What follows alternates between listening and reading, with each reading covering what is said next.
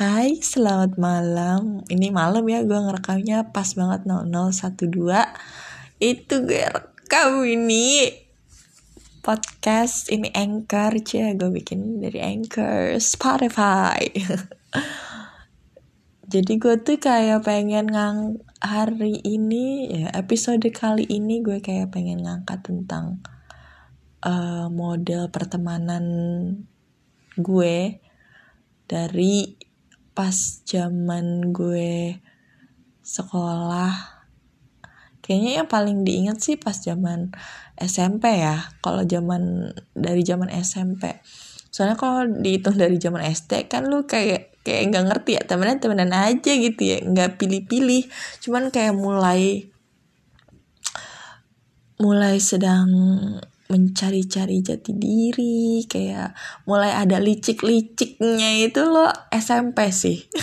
Kerasa banget ada licik-liciknya ada kayak sok-sokan pilih-pilih temen gitu. Eh maksudnya gue nggak ngejudge orang yang pilih-pilih temen ya itu justru wajar dan harus mungkin ya pilih-pilih.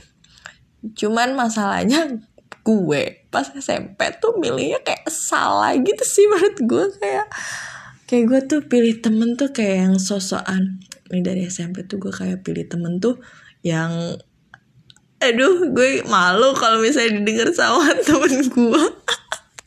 Ya udahlah ya ini kan masa lalu ya saya ketawain aja. Jadi dulu tuh gue pas SMP kayaknya nggak kayaknya sih kalau kayaknya kayak gue sok-sok disclaimer pembelaan gitu ya enggak. Jadi SMP tuh gue gue inget-inget tuh kayak gue milih temen tuh yang yang gaul. Kayak ih sumpah alay banget. Sumpah dulu gue pernah banget. Uh, pernah banget kelas 7 tuh kan kayak lo peralihan kan dari anak kecil anak sekolah dasar untuk uh, menjadi seorang remaja say. Teenager you know? Ya menjadi seorang remaja. Jadi kayak eh gue nih bisa nih ayo yuk gaul yuk yuk gaul gitu kan. Kayak enak gaul tuh terus ngegeng ngegeng gitu. Kalian pernah dong dulu sosokan ngegeng kayak lo pilih geng si ini si ini si ini dipilih set ya kita jadi sebuah geng lalu kita lo tahu apa yang kita lakukan? Kita sablon sebuah kaos. Kayak namanya tuh Kyle. Gue nggak ngerti itu kenapa namanya The Kyle. Kyle tuh apa? Nggak tahu. Tapi kayak terus abis nama The Kyle terus di bawahnya tuh ngerentet gitu kan nama nama gue nama Dewi terus nama Ica terus Erna sama aduh satu lagi siapa ya? Sumpah siapa ya namanya? Nina Nina iya. Sama Nina terus kayak kita itu kelas 7 ya itu kayak baru masuk terus kayak baru saling kenal hahaha terus kayak itu tuh padahal kayak ngegengnya cuman kayak karena kita tetanggaan bangku aja sih. Terus sosokan kayak gitu ih nggak ngerti gue gue juga kayak apa sih lu gitu. Orang-orang kayak mandang geng gue dulu itu kayak gitu kali ya. ih apa sih lo sampai bikin baju banget gitu? Apa banget gitu? Tapi ya ya ya udah lah ya. Ya dahulu. Terus seiring berjalannya waktu kenaikan kelas 8 gue kayak dapet temen namanya Imas itu temen sebangku gue. Itu sekelas pas kelas 7 kita sekelas.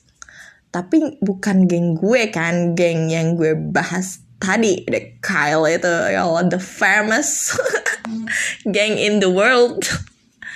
In the town mungkin. Jangan the world ya orang kagak kenal bang. Terus abis itu kan ya kelas 8 tuh gue sebangkunya sama temen sekelas gue pas kelas 7 cuman emang kita nggak deket. Nah namanya tuh Imas. Dan menurut gue gue ngerasa jadi diri gue itu ya dari si Imas itu. Gue dulu kayak pernah SMP tuh kayaknya gue jarang inget momen-momen SMP deh jarang banget. Karena gue ngerasa SMP tuh uh, memori salah satu memori terburuk gue. Karena di SMP tuh gue sempet dibully. Dan sampai sekarang sebenarnya isunya isu yang dibully itu ya gue masih belum berdamai sih sama sama problem yang akhirnya gue dibully itu. Jadi gue nggak usah cerita ya kita skip aja. Terus akhir dan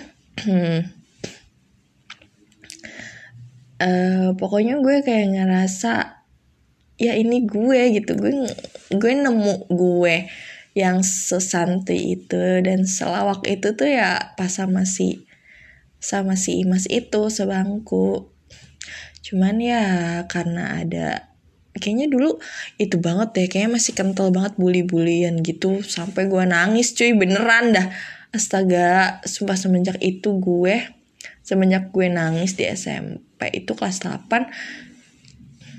gue bertekad kayak gue nggak gak boleh nangis lagi. Kayak nangis itu adalah korban gitu. Mindset gue tuh jadi berubah terus kayak nggak pernah nangis sama sekali.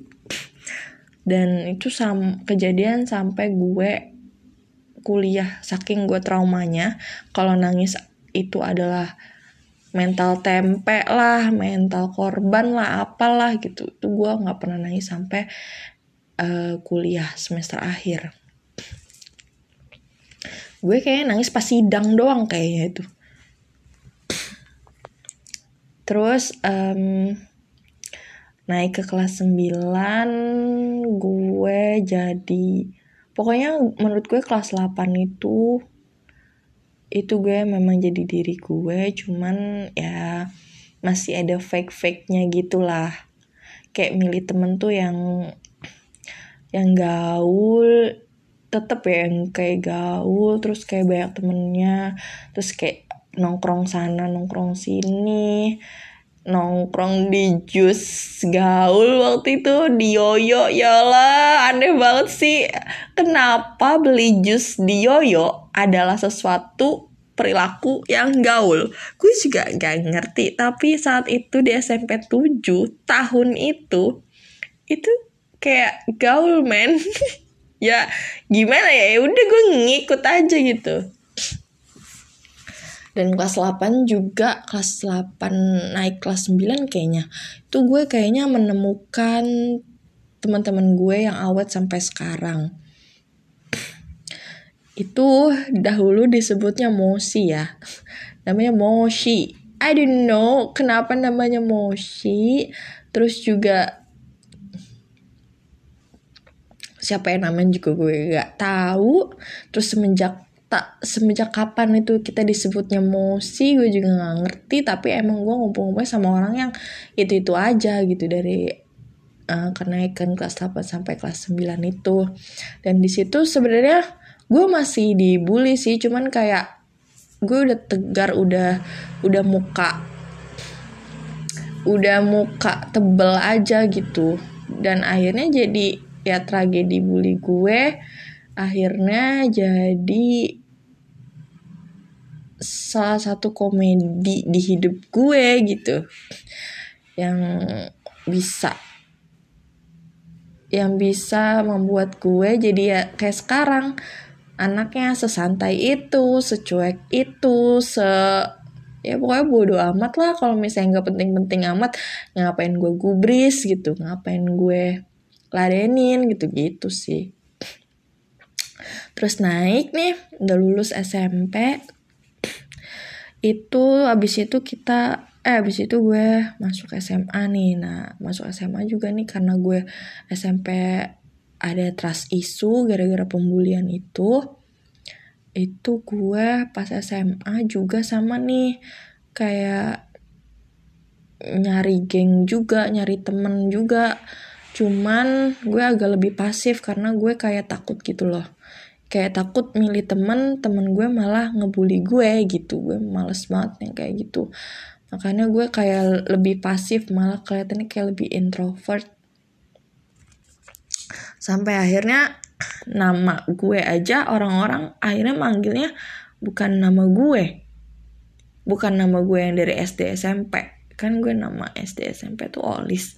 Terus pas SMA karena gue saking pendiemnya kayak orang aja eh bukan saking pendiemnya jadi orang tuh nggak tahu kehadiran gue dan nama gue tuh dipanggilnya pas nama depan gitu. Kan nama gue. Oh my god ini identitas gue ter terbongkar. Ya nama depan. Nama depan gue tuh ada ada ada lah gitu nah jadi di, mereka tuh manggil nama depan gue padahal gue pas kenalan pakai nama nama gue yang nama nama rumah nama orang rumah manggil gue gitu. Kayak kayak saya kayak orang teman-teman SD dan SMP manggil gue. Saking gue pasifnya saking ya itu karena gue trauma itu pas SMP kayak gue harus hat, kayak gue ngerasa harus hati-hati milih teman karena gue takut dibully gitu udah dan akhirnya gue kayak udah nih dapet dapet geng ini. Terus gue ngerasa juga tapi gue ngerasa di geng ini gue kayak ih gue ngapain ya? Kok kayaknya gak cocok.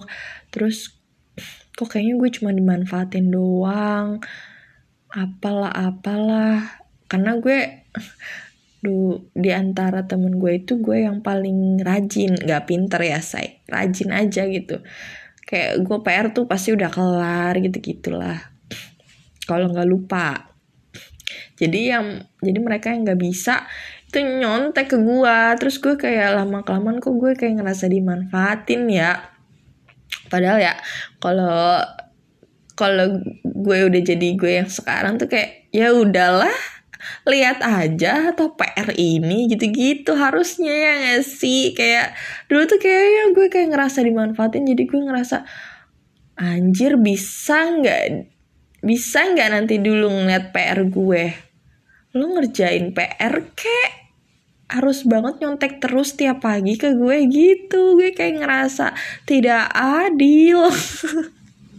Gak ngerti gue juga kayak drama banget ya hidup gue bukan ya drama banget gitu pemikiran gue terus habis itu ya pokoknya gue ngerasa selama SMA itu gue kayak ngerasa eh udah ngejudge udah ngejudge kalau misalnya teman gue itu toxic ya ya SMA mah dulu mah kagak ada nama kagak ada kagak ada istilah toxic ya bang. Ya pokoknya kayak apa sih gitu gue di situ? Nongkrong juga gue kayaknya nggak terlalu diajak ngobrol. Terus juga hmm, selalu dimanfaatin. Terus mot karena gue bawa motor juga gue kayak selalu dimanfaatin untuk nganterin nganterin gitu. Padahal kalau lo nggak suka ya lo tolak aja nggak sih gitu loh bisa banget gitu kayak nggak apa-apa banget walaupun emang nantinya kayak diomongin tapi ya udah lah ya ini kan hidup lo lo yang mutusin.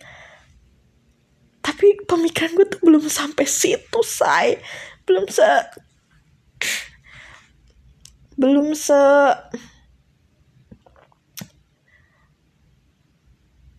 belum sefrontal itu untuk ngomong isi kepala isi hati gue gitu jadi gue kayak ngikut-ngikut aja gitu sama kelompok ini sama geng ini.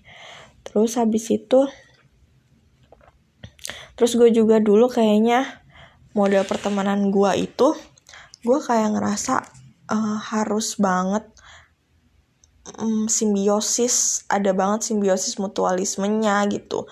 Tapi gue mah kayak maksain gitu simbiosis mutualismenya kayak misalnya gue udah nganterin lo nih ke kantin gitu atau nganterin lo berkali-kali ke WC gitu ya. Terus kayak gue nya terus pas gue nganter eh pas gue minta anter tapi lo nya nggak bisa tuh gue kayak bete banget gitu loh. Kayak anjir gue udah nganterin lo ke sana sini tapi lo pas gue minta anterin lo nggak mau. Maksud lo apa? gitu jadi gue ngerasa kayak sakit hati gitu kayak ngerasa bukan kayak ngerasa nggak dia ngerasanya nggak dianggap temen gitu. Isu tidak dianggap itu ada banget sih pas SMA makanya gue kayak ngerasa ya lo kalau mau temenan tuh ya kita harus saling menguntungkan gitu. Padahal kalau misalnya kayak gue baik sama lo lo juga harusnya baik sama gue. Kalau lo nggak baik ya berarti lo nggak nganggap gue temen. Itu mindset gue. Padahal ya kalau lo mau baik ya baik aja. Nggak usah kayak ada embel-embelnya. Eh gue harus baik nih sama nih orang biar gue dapat bla bla bla bla bla bla. Menurut gue kayaknya itu bukan sesuatu yang baik ya. Nggak tahu ya tapi menurut gue kayak itu kayak kurang etis aja. Kayak lo kalau mau baik tanpa memandang siapa orangnya atau misalnya background orangnya punya pernah pernah punya masalah sama lo atau enggak selama lo nya pengen dan lo nya nggak keberatan ya udah lo baik baik baik baikin orang aja berbuat baik aja gitu. Selama lo ngerasanya lo tidak dirugikan. Atau emang lo lagi mood aja baik gitu nggak harus nunggu momen nggak harus nunggu nih orang kalau mau gue baikin kayaknya dia harus harus baik dulu dari sama gue gitu. Nggak gitu sih menurut gue kalau temenan ya. Soalnya menurut gue kalau misalnya ketika lo udah seikhlas itu berbuat baik tanpa embel-embel apa pun kayak lo nya tuh enak aja gitu ngerasanya. Jadi lo nggak nggak berharap apa pun. Lo berbuat berbuat baik tanpa berharap apa pun dari orang yang kita baikin. Jadi lo nya tuh nggak nggak kesel juga. Kesel juga nggak ada. Kayak ya udahlah gitu. Toh gue baik. Toh gue ngasih ngasih A B C juga. Gue nya ikhlas. Gue nya kayak nothing tulus gitu kayak no hard feeling. Jadi gue juga ngerasa nggak ada beban aja gitu. Jadi temenan tuh enak. Ya udah kalau misalnya dia nggak suka gue baikin ya dia yang memutuskan gitu hubungannya. Gue mah gue tipe orang yang kayak kalau masih mau temenan hayo. Kalau enggak ya udah. Gue tipenya anaknya uh, harus disamperin sih maksudnya harus dideketin. Gue kayak nggak nggak bisa banget inisiatif temenan sama orang. Kayak harus dikejar kalau cewek kalau kalau ibarat lagi PDKT tuh gue kayak harus dikejar-kejar. Bukan maksudnya apa-apa. Bukan bermaksud apa-apa. Gue cuman gue tuh ada ada trust isu gitu. Jadi gue kayak nggak bisa nggak bisa percaya kalau gue tuh temen dia. Gue tuh takut uh, mengakui secara sepihak gitu loh. Mengakui secara sepihak kalau misalnya si A nih temen gue. Soalnya gue pernah kayak nganggap si si B misalnya atau si C ini temen gue. Ternyata si B dan si C ini nggak nganggep gue temen juga gitu. Padahal gue udah kayak ngomong-ngomong ke orang-orang gitu. Misal iya gue kenal si A dia temen gue si B dia temen gue dia tuh pernah cerita gitu gitu bla gitu. Eh ternyata dia si B ini gak nganggep gue temen juga. Jadi kan anjir gue ternyata selama ini gak dianggap temen gitu. Makanya gue kalau misalnya pertama kali kalau lo ketemu gue secara pertama kali tuh gue ya humble sih humble. Tapi gue nggak pernah nggak pernah duluan untuk mengakui kalau lo temen gue. Gue kayak harus nunggu sinyal dulu loh. Kalau misalnya gue harus nunggu sinyal kayak sinyal sinyal berupa pernyataan. Kalau misal dari si calon teman gue gitu misalnya. Kayak si B sama si C ini harus mengakui gue sebagai teman dulu. Harus ngomong lo tuh kak kalau tem jadi temen tuh gini-gini. Nah itu menurut gue itu adalah salah satu afirmasi gue. Salah satu bentuk afirmasi yang bisa gue terima kalau oh ternyata kita temenan gitu. Nah itu baru bisa gue anggap sebagai teman gitu. Walaupun bukan teman deket juga ya tapi at least kayak kalau gue mau ngomong eh kalau misalnya ada orang yang nanya gitu misalnya eh kalau bisa kenal sama iya dia temen gue gitu. Gue bisa jawab kayak gitu tapi kalau selama temen selama orang itu tidak ada afirmasi apa-apa mengenai status kita itu temen atau sekedar sekedar tahu doang tuh gue bakalan uh, ngomong ke orang lain tuh iya gue kenal tapi ya cuman kenal doang gue nggak terlalu deket. Gitu doang. Kayak cuman tahu doang gitu gue bakal ngomong itu ke orang-orang. Karena gue belum dapat pengakuan gue tuh harus dapat pengakuan dari lawan lawan bicara atau lawan calon temen gue gitu. Gitu guys seribet ya. Tapi ya gimana ya namanya juga gue. Gue kayak anaknya traumaan deh. Apa apa trauma apa apa trauma. Ya gimana ya gue kayak menghindari. Ini mungkin salah satu bentuk self defense gue kali ya. Untuk melindungi gue dari perasaan sakit hati sih Iya karena karena maksudnya nggak jelas banget nggak sih? Ya gue tahu maksudnya uh, senang sedihnya diri kita itu bukan tanggung jawab orang lain. Nah karena karena pernyataan itu karena memang bukan tanggung jawab orang lain gue memilih untuk menghindari menghindari orang-orang untuk bertanggung jawab akan sedih dan senangnya gue gitu. Jadi gue agak lebih picky sih untuk untuk memilih teman gitu. Soalnya sumpah beberapa kali banget sih gue ketemu kasus kayak gitu. Kayak gue udah kayak akrab banget. Eh udah. Ya gue anaknya so akrab sih ya SKSD tapi gue juga SKSD-nya agak milih sih kalau gue emang lagi excited ketemu orang yang udah lama banget nggak ketemu kayak gue langsung kayak kayak gue langsung kayak tembak-tembakin terus gitu tembak-tembakin jokes biar dia juga ikut ketawa. Karena gue tahu banget sih ngera gue tuh kayak ngerasa ba tahu banget rasanya ketika lo tuh dalam suatu perkumpulan tapi lo tuh anaknya emang pendiam tapi kan orang ya namanya orang pendiam juga kan kadang pengen diajak ngobrol juga dong gitu loh. Nah gue kayak ngerasa banget lagi pernah banget kayak gitu. Kayak di suatu perkumpulan kan gue pengen dipancing gitu ya. Anaknya tuh nggak nggak seinisiatif gitu nggak seinisiatif itu. Jadi kayak butuh pancingan biar bisa ikutan gabung ngobrol gitu. Nah gue pernah ngerasain kayak ngerasa diasingkan dalam suatu perkumpulan. Jadinya makanya kenapa ketika ngumpul lagi sama orang baru gitu gue kayak ngerasa pengennya kalau emang udah kayak uh, teman lama gitu teman lama terus ngumpul lagi kan udah beda ngerasanya udah beda frekuensi lah udah beda pergaulan gitu-gitu kan. Nah gue tuh pengen makanya kenapa kalau misalnya gue ketemu teman lama gue tuh se excited itu karena gue nggak mau temen lama gue ini ngerasain apa yang gue rasain gitu loh. Kayak ngerasa diasingkan dicuekin dalam suatu perkumpulan. Kayak misalnya pas reuni gitu tuh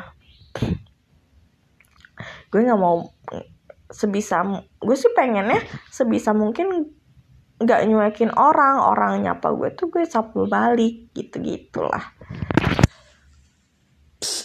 atau ya ikut ngobrol atau ya senyum atau kalau emang ada yang ngajak ngobrol tuh gue sengobrol itu kalau misalnya emang dia ngajak ngobrol gue gitu ya memilih untuk ngajak ngobrol gue yang kayak gue berdiri di pojokan atau duduk di pojokan gitu. Gimana sih lo? Pernah gak sih ke acara alumni eh temu alumni terus kayak gitu tuh kayak wah apalah. Ya udahlah. Nah itu. Banyak trauma-trauma yang pernah gue alamin sehingga gue ngerasanya kayaknya dulu pertemanan gue kok toksik ya.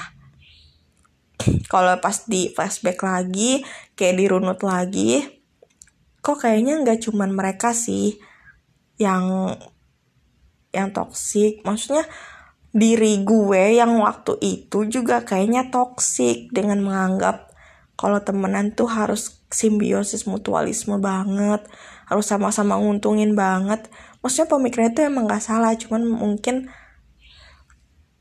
apa ya eksekusi gue nya yang nggak baik atau kurang baik saat itu. Makanya jadi ngerasanya gue kayaknya dulu dulu tuh temenan tuh kayaknya gue jahat banget gitu loh. Aduh sorry ya ada suara kayak gitu. Gue lagi pilek bang. Ini pengen ngeluarin tapi kalau bisa makanya ada suara-suara begitu gue belum sembuh terus sampai akhirnya gue ketemu di kuliah nih. Nah di kuliah tuh gue makin makin jadi banget sih. Supaya gue inget banget pas ospek jurusan tuh gue diem sih anaknya kayak ya seperti yang gue bilang yang seperti gue jelasin sebelumnya. Kalau misalnya gue tuh ya nggak seinisiatif itu. Gue ngomong kalau diajak ngomong kalau diajak ngobrol gitu. Harus dipancing-pancing. Nah pas ospek tuh gue kayak pendiam terus pas masuk kuliah gue ketemu temen tuh namanya Rina nih temen gue. Teman pertama gue kayaknya. Nah itu tuh gue sama dia temenannya aneh sih kayak emang kita nggak eh nggak ada yang um, kayaknya gue prosesnya masih jauh. Pokoknya gue ngerasa gue menjadi diri gue seutuhnya tuh kayak pas semester semester akhir. Kayak misalnya lo kalau nggak suka ya ngomong nggak sukanya di mananya gitu. Setegas itu gitu. Gue kalau temenan tegas dalam berteman tuh ya pas gue udah semester akhir kuliah. Nah pas pertama pertama kuliah tuh kayak gue kayak gue nerima nerima perlakuan or segala perlakuan orang sih. Gue juga gak ngerti kenapa. Kayak misalnya orang uh, gue pernah nih sama si Rina tuh temenan. Terus dia tiba-tiba nunjukin eh maksudnya ngasih kakinya di depan muka gue banget kan kayak anjir nih orang kagak sopan abis maksudnya apaan? Gue kayak ngerasa direndahkan kan dengan sikap dia yang seenaknya gitu tuh. Mungkin ya karena karena gue nya juga sih membiarkan orang seenaknya sama gue gue nya balesannya tuh cuman kayak ketawa aja kayak hahaha gitu loh nah sebenarnya kan ada beberapa sikap yang yang seharusnya nggak selalu harus dihahiin nggak harus diketawain. Ada loh ada bang apa ya kita tuh kayak harus banget ada ketegasan dalam berteman gitu. Kayak gue nih sebenarnya nggak suka ya sama lo yang kayak gini gini gini gitu loh. Sumpah gue pernah banget marah besar karena motor gue dipinjem sama temen gue maksudnya motor gue emang sering sering dipinjam karena gue sesantai itu kan secuek itu sama teman. Yaudah lo kalau mau selama gue masih bisa bantu lo dan gue nya nggak keberatan ya gue bantu gitu. Cuman masalahnya pas gue marah besarnya itu mereka itu kayak seenaknya ke gue kayak lo minjem motor gue misalnya si Ani minjem motor gue emang udah biasa gitu ya terus habis itu motor emang dan gue nya ada acara gitu di kampus sampai sore. Saat itu uh, eh, MK tuh udah kelar dari sebelum zuhur gitu misalnya. Nah temen gue si Ani minjem untuk ke mana gitu. Udah nih motor udah ada lagi nih di kosannya dia. Gue tinggal nyamperin doang sebenarnya eh harusnya dia nganterin ke kampus lagi di parkiran gitu ngasihin ke gue. Kayak kan gue ada acara gitu di kampus. Terus tapi malah dia minjemin lagi ke temen gue yang lain gitu. Ya teman sekelas sih. Cuman kayak kok nggak ada omongan banget lah sama gue terus juga um, malah motornya bukan yang ngasih ke gue gitu. Mereka mereka mereka yang nyamperin gue gitu untuk ngasih motor gue ke kampus tapi malah gue yang disuruh nyamperin mereka ke kosan. Make sense gak sih? Kayak mereka yang butuh malah mereka yang nyuruh gue gitu ngambil barang gue yang mereka pinjem.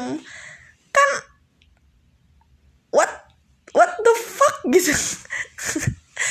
Kayak apa sih gitu? Nah mana gue lagi abis acara itu kan capek banget ya terus denger denger kabar itu kayak anjir mau lo apa sih? Gitu. Ya udahlah abis itu ya udah gue dari situ gue marah besar terus ternyata temen gue kaget. Ya gue anaknya kan nggak pernah marah kali ya. Gue nggak pernah marah. Emang nggak pernah marah sih pas kuliah.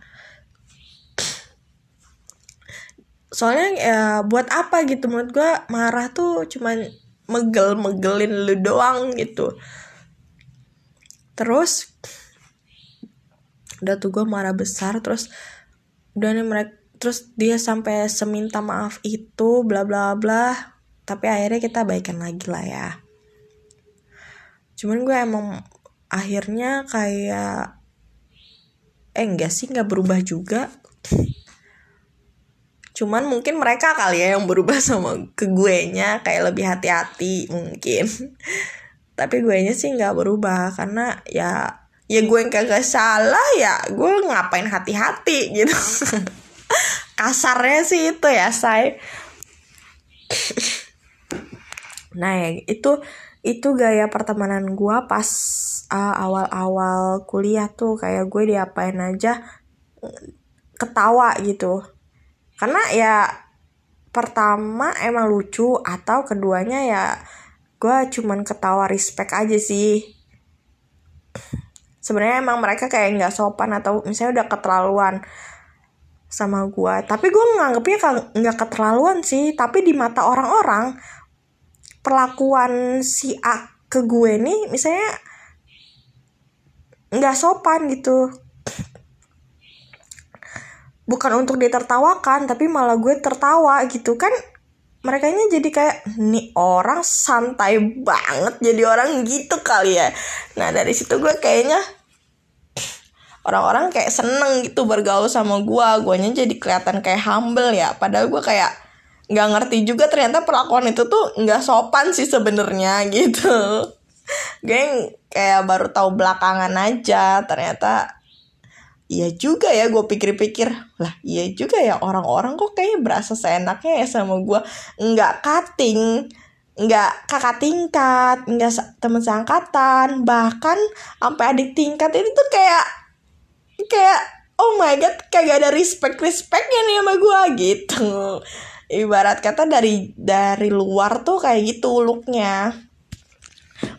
Padahal gue sih ngerasanya kayak um, gue ngerasa sih kalau mereka tuh ada respectnya juga sama gue cuman ya karena gue nya itu sesantai itu jadinya mereka nyaman aja ngobrol ngobrol ngobrol bahkan ngomongnya lo gue gitu. Soalnya di di di budaya jurusan gue itu tuh nggak ada ngomong lo gue antara kakak tingkat dan adik tingkat. Paling kayak masih ada bilang kaknya gitu. Kak aku mau ini bla bla atau kak saya mau ini.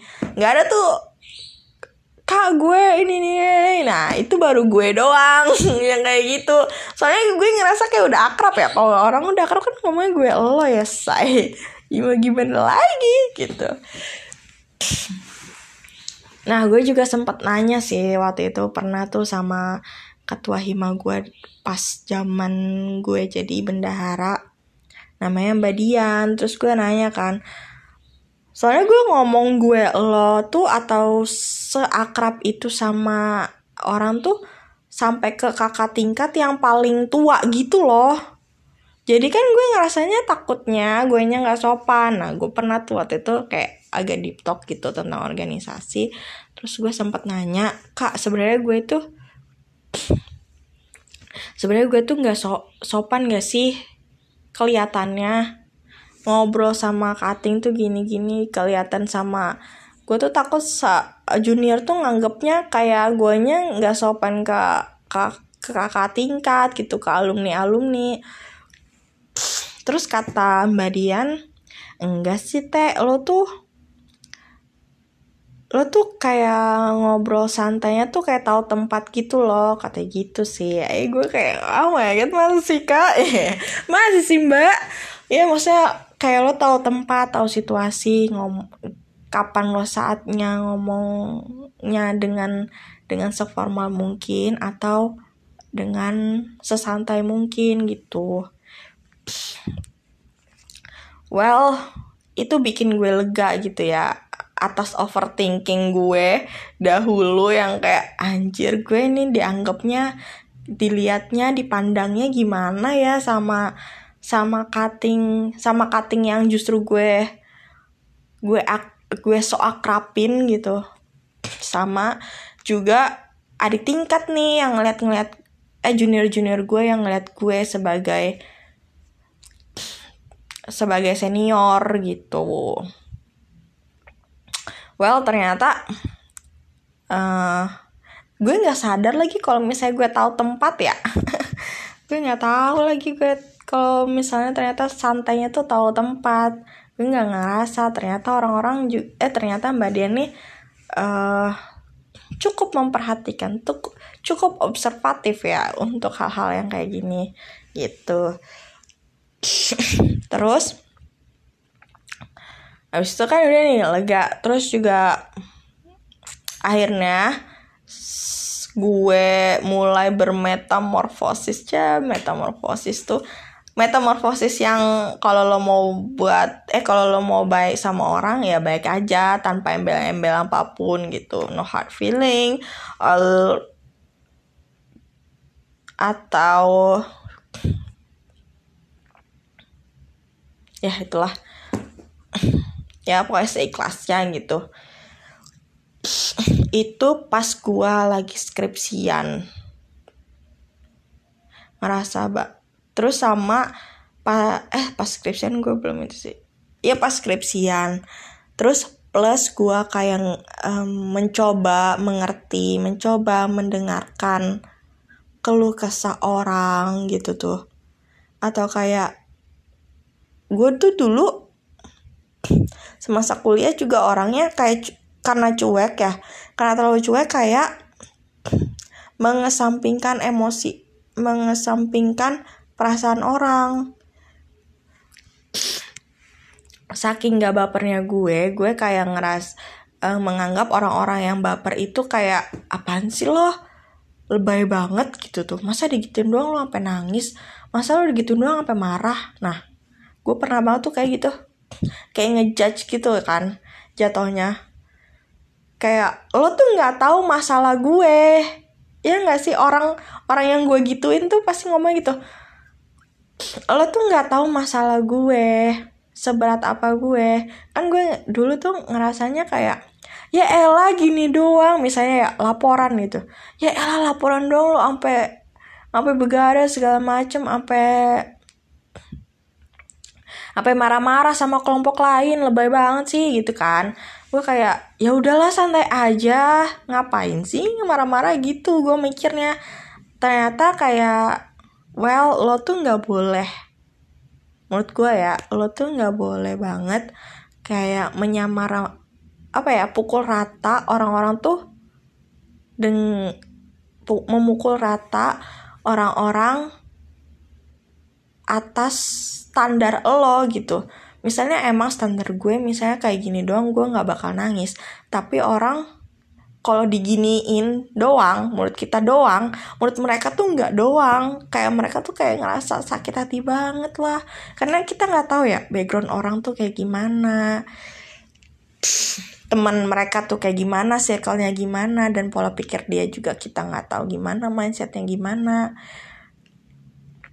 Nah kita tuh nggak bisa ngejudge orang segitu segampang itu dan memukul rata kalau misalnya ya lah ini mah masalah kecil. Masalah kecil dan besar seseorang tuh relatif lagi gitu kan. Kita nggak bisa menyamaratakan menurut kita gampang tapi menurut mereka enggak. Karena misalnya mereka emang belum belajar itu atau belum bisa menangani itu atau emang itu adalah uh, experience mereka yang pertama mereka digituin gitu misalnya. Dikasih masalah seperti itu. Kita yang menganggap itu gampang ya karena kita udah pernah mungkin sebelumnya menghadapi problem itu gitu. Nah gue dari situ tuh itu gue belajar kayak gitu pas setelah pas setelah sidang. Itu gue kayak sering dengerin curhatan orang. Itu itu lagi apa ya selain bikin teman kita yang curhat itu lega.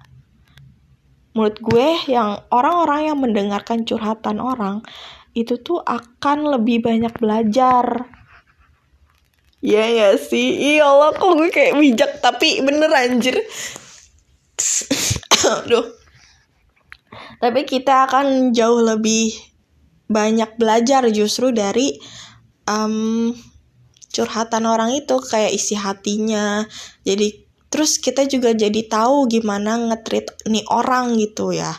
Karena mereka karena dari cerita mereka terpancar ya tergambar terdescribe mereka tuh orangnya kayak gimana. Dan tipe-tipe orang yang harusnya pengennya digimanain sih gitu tuh. Nah gue gue tahu cara uh, ngetrit orang tuh kayak ngetrit orang misalnya si A si B nih kayak gimana tuh ya dari situ dari ngedengerin cerita mereka atau gue ngelempar balik pertanyaan gitu lo cerita kayak gini nih pengennya didengerin apa enggak sih Nah, kan ada orang yang pengennya didengerin atau minta saran gitu tuh. Nah, dari situ kita bisa bisa nilai sih misalnya tipe-tipe yang pengen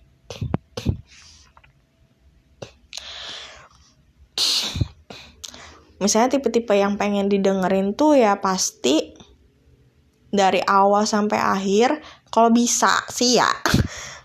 Kita jangan motong ya say. Kayak nunggu nunggu momen atau nunggu jeda aja gitu baru kita hmm, ngomong gitu. Iya ya yang sabar ya. Gue tahu maksudnya ngomong kata yang sabar ya tuh klise banget. Tapi ya gimana ya dalam situasi itu orang yang pengennya didengerin doang ya cuman kata-kata itu yang bisa kita berikan gitu. Kecuali orangnya emang pengen dikasih advice gitu. Nah yang dikasih advice juga gue kayak ngeliat-ngeliat ya orangnya. Kayak misalnya orangnya santai kayak gue gitu. Nah gue pasti ngomongnya bakal berkebalikannya. Misalnya dia pengennya kayak didukung. Nah gue malah nyalahin dia gitu. Nah itu kalau misalnya orangnya kayak frekuensi sama gue gitu ya yang orangnya bisa nerima nerima hujatan gue gitu. Cuman ya ujungnya ya ada advice-nya juga ya kalau dia nangkep ya. Advice konyol dari gua gitu. Tapi mostly sih belakangan ini gue kalau ngobrol berdua itu pasti serius sih ngom ngomongnya. Kayak gue beneran bener-bener dengerin cur bener-bener dengerin curahan hati orang banget. Kalau misalnya berdua aja ya tanpa ngumpul gitu terus juga gue kayak nanya banyak hal ngobrolin banyak hal tektok banget. Terus sampai sampai akhirnya ngomongin yang isi apa ya ya orang-orang zaman sekarang sih nyebutnya deep talk ya. Segala tentang keluarga itu kan udah udah rana rana privacy lo gitu ya. Itu sampai lo keluarin ke gue tuh gue kayak ngerasa ya lo thank you banget lo lo udah percayain curahan hati lo mengenai hal privat lo ke gue gitu. Dan gue akan ngekip itu. Orang yang curhat sama gue terus bilang tapi lo jangan bilang-bilang ya. Tapi lo nggak perlu ngomong-ngomong ini ke si inilah ke si A inilah gitu atau atau misalnya masalah keluarga tuh pasti gue nggak bakal ngomongin sih. Kecuali orangnya ngomong sendiri gitu. Gue nggak bakal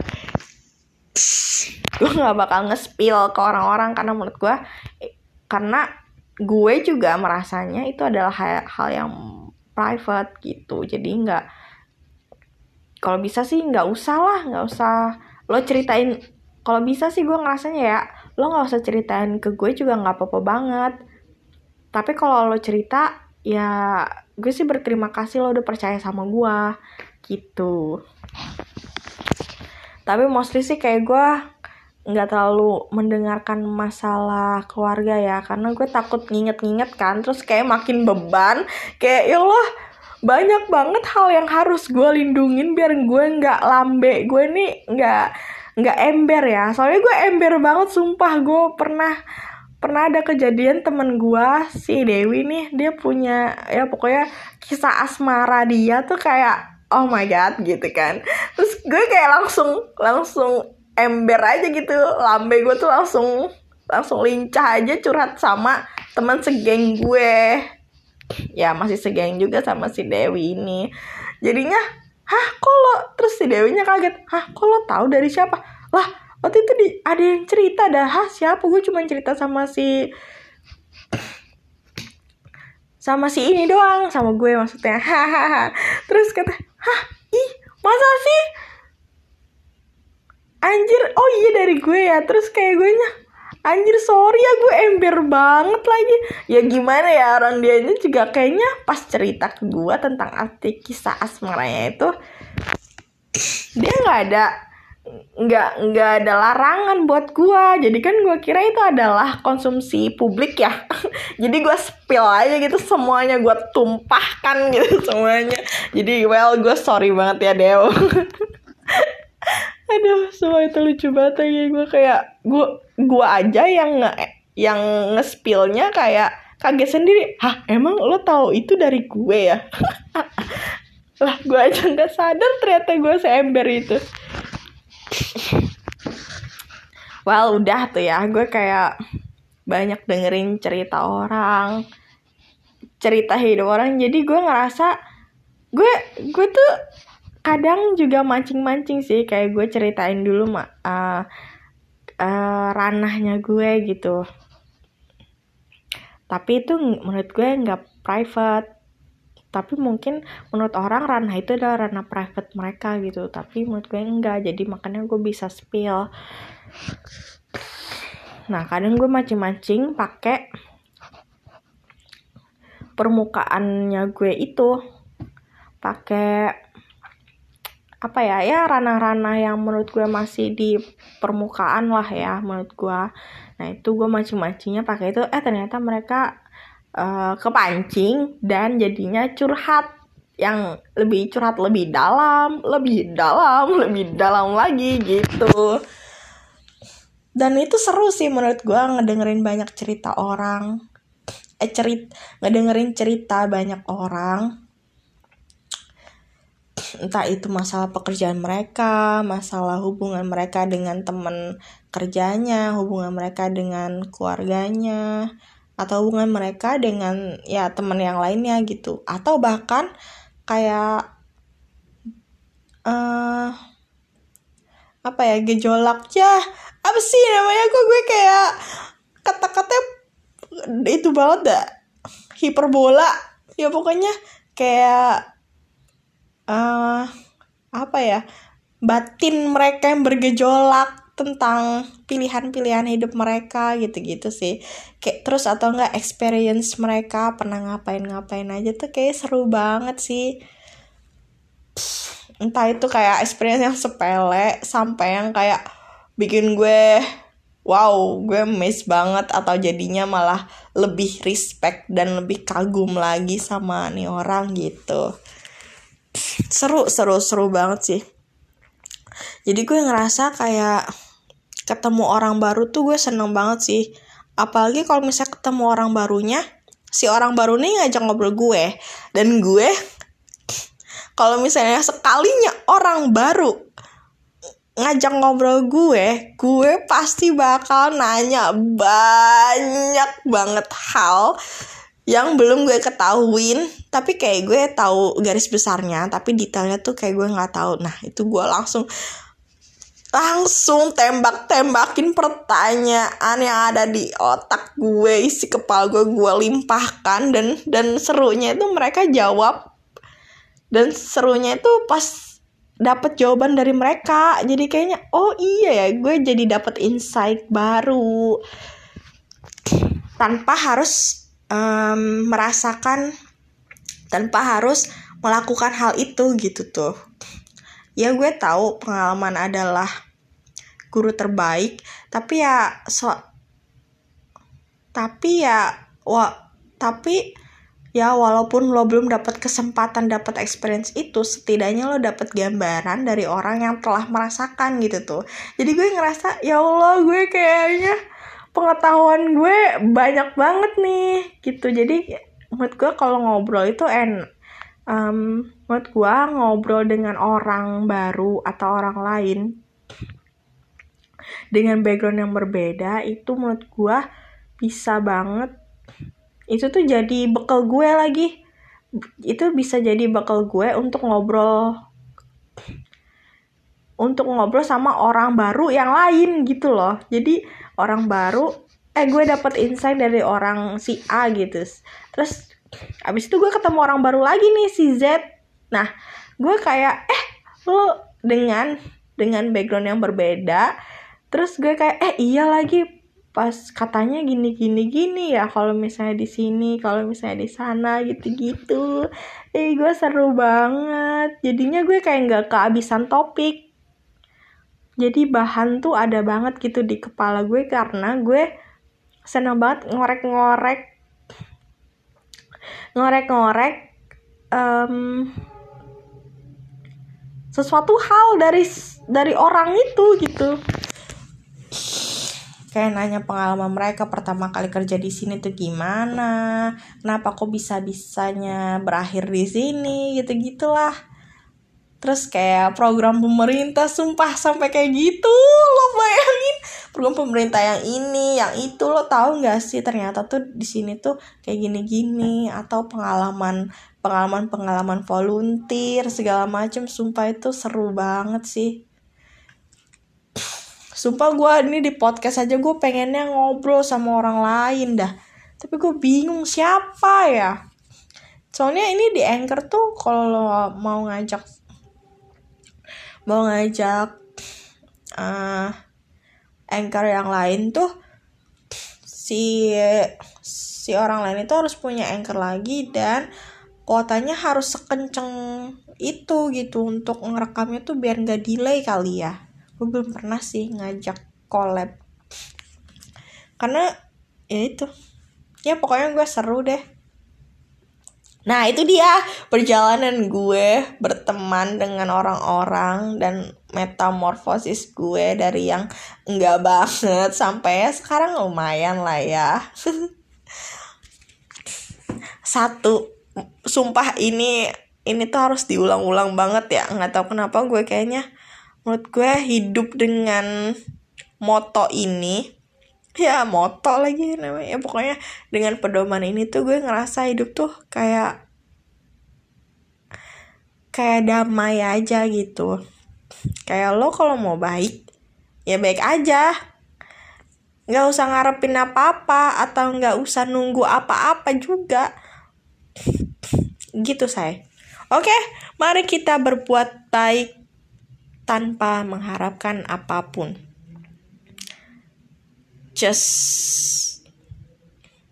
nothing tulus aja gitu ya say no hard feeling nothing tulus. Itu harus banget sih. Ya semoga bermanfaat ya bagi orang-orang yang masih kayak uh, nyari-nyari gue nih orangnya gimana. Atau misalnya kok kayaknya ngerasa temen gue toxic padahal coba deh lo kayak cermin lagi bercermin lagi kayak